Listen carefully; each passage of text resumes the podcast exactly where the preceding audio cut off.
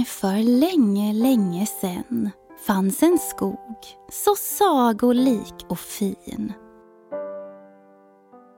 Där hände magiska saker på riktigt och inte bara i fantasin.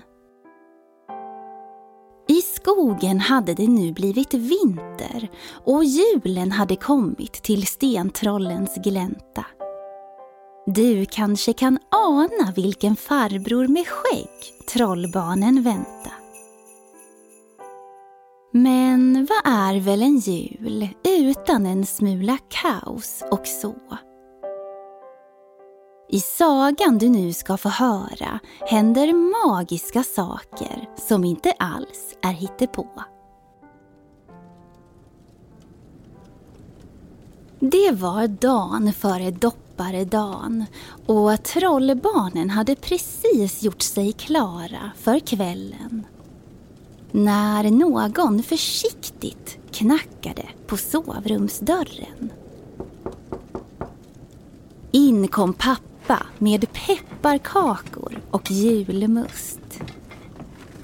Jag tänkte berätta en saga, sa han. Om ni har lust. Trollbarnen älskade när pappa berättade sina sagor.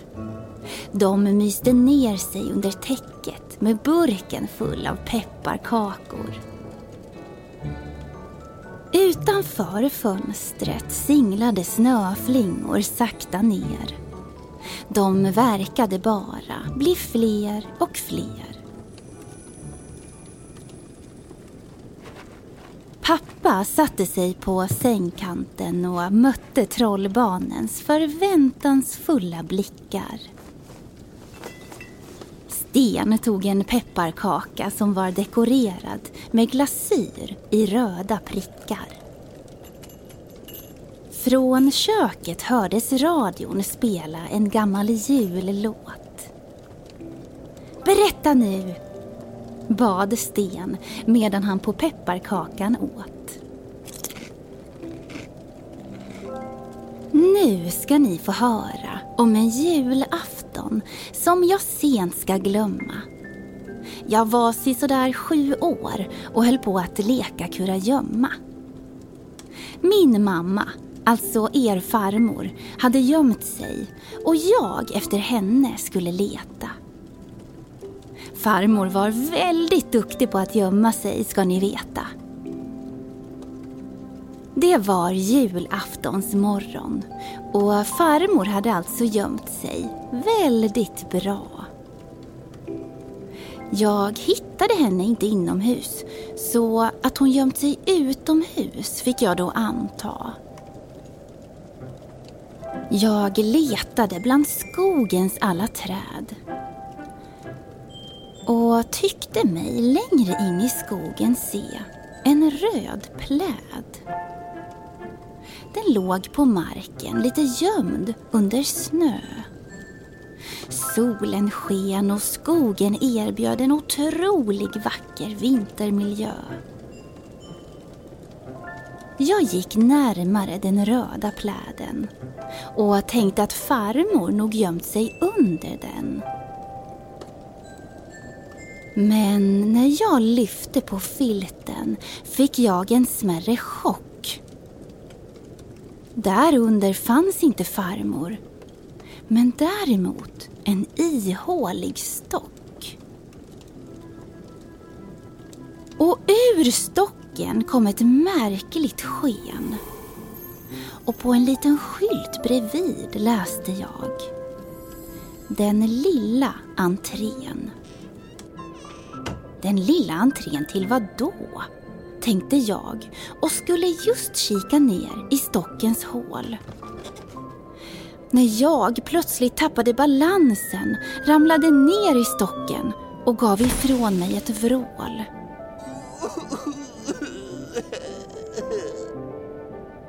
När jag landade på marken var där massor av snö. Och bredvid mig stod några renar och mumsade på lite hö. Runt omkring mig sprang små tomtenissar med luvor som var röda. De sjöng på en låt om tomtegubbar, glas och mycket möda. Jag reste mig upp och fick se den mest fantastiska vyn. Stora julgranar, tomtenissar, renar. Ja, jag hade minsann hamnat i självaste julbyn. Men tomtenissarna verkade inte se mig särskilt bra. De hade så bråttom och sa ord som oj oj och ho ho ja ja. Ursäkta, sa jag, men fick knappt ett svar. Någon nisse ropade.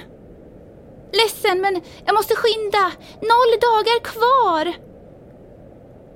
Ja, just det. Det var ju julafton idag. Att de hade mycket att göra förstod ju jag. Frågan var bara hur jag skulle ta mig tillbaka hem igen. Jag vandrade runt bland alla stressade nissar tills jag till slut fick syn på en lugn en. Han satt på en stubbe och stickade på en tröja. Hej, sa jag. Kan inte prata nu, sa han. Måste sticka klart denna och det kan dröja.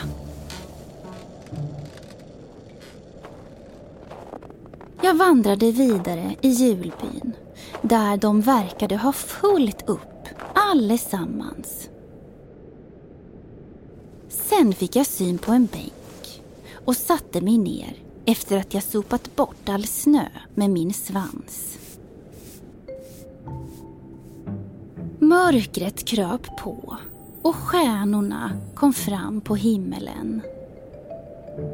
Skulle jag någonsin komma hem igen?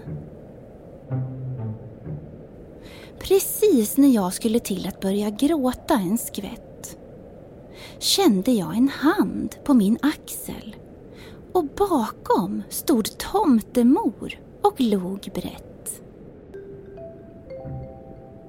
Hon hade en röd lång kappa på sig och frågade vänligt hur det var med mig.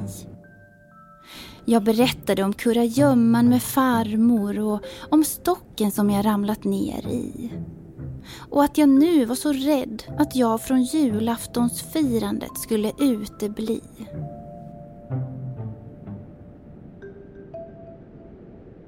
Tomtemor tog då min hand och sa Kom med mig, jag ska hjälpa dig hem, ja. Tomten, han har åkt iväg för länge sen. Han har så många att dela julklappar till, vet du, min vän. Men jag har en egen släde för nödsituationer precis som den här.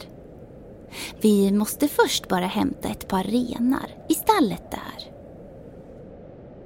Så vi hämtade några renar som oss hem skulle flyga.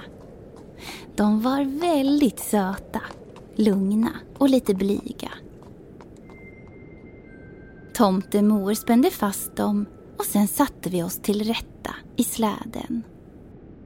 Hon virade en varm filt omkring mig och sa Nu fryser du inte, min vän. Sen for vi iväg, upp i himlen, jag och tomtemor.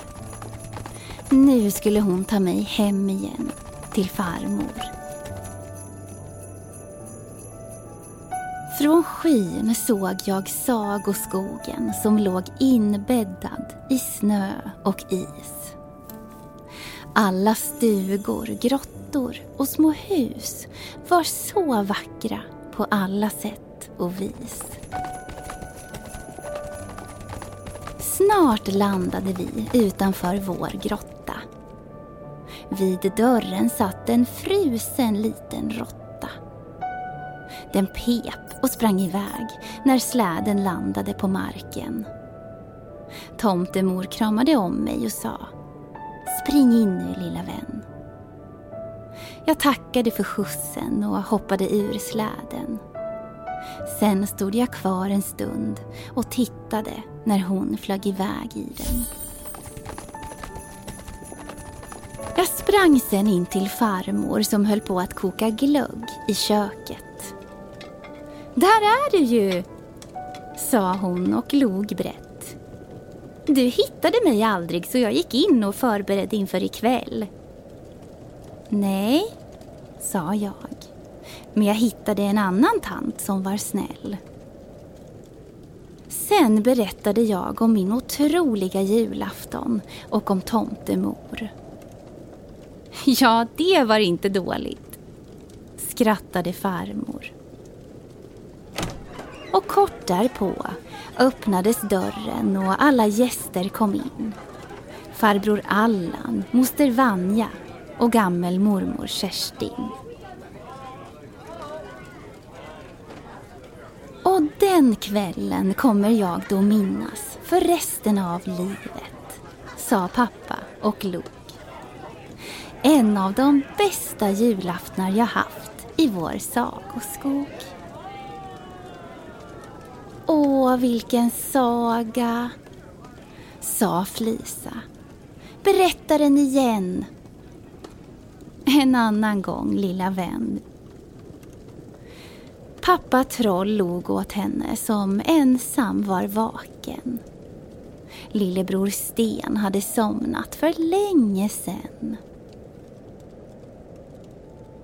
Sen tittade han på klockan och såg att hon var över midnatt. Dags att sova, sa han. Godnatt min skatt. Ja, ni. Vilken otrolig julafton pappa Troll fick uppleva när han var liten. Har du någonsin sett den där magiskt lysande stubben? Magisk stubbe eller ej, så vill jag i alla fall säga en sak till dig. Jag hoppas att du får en underbar jul med massor av kärlek och magi. Att du får ta igen dig lite och känna lugn och harmoni. God jul från mig till dig.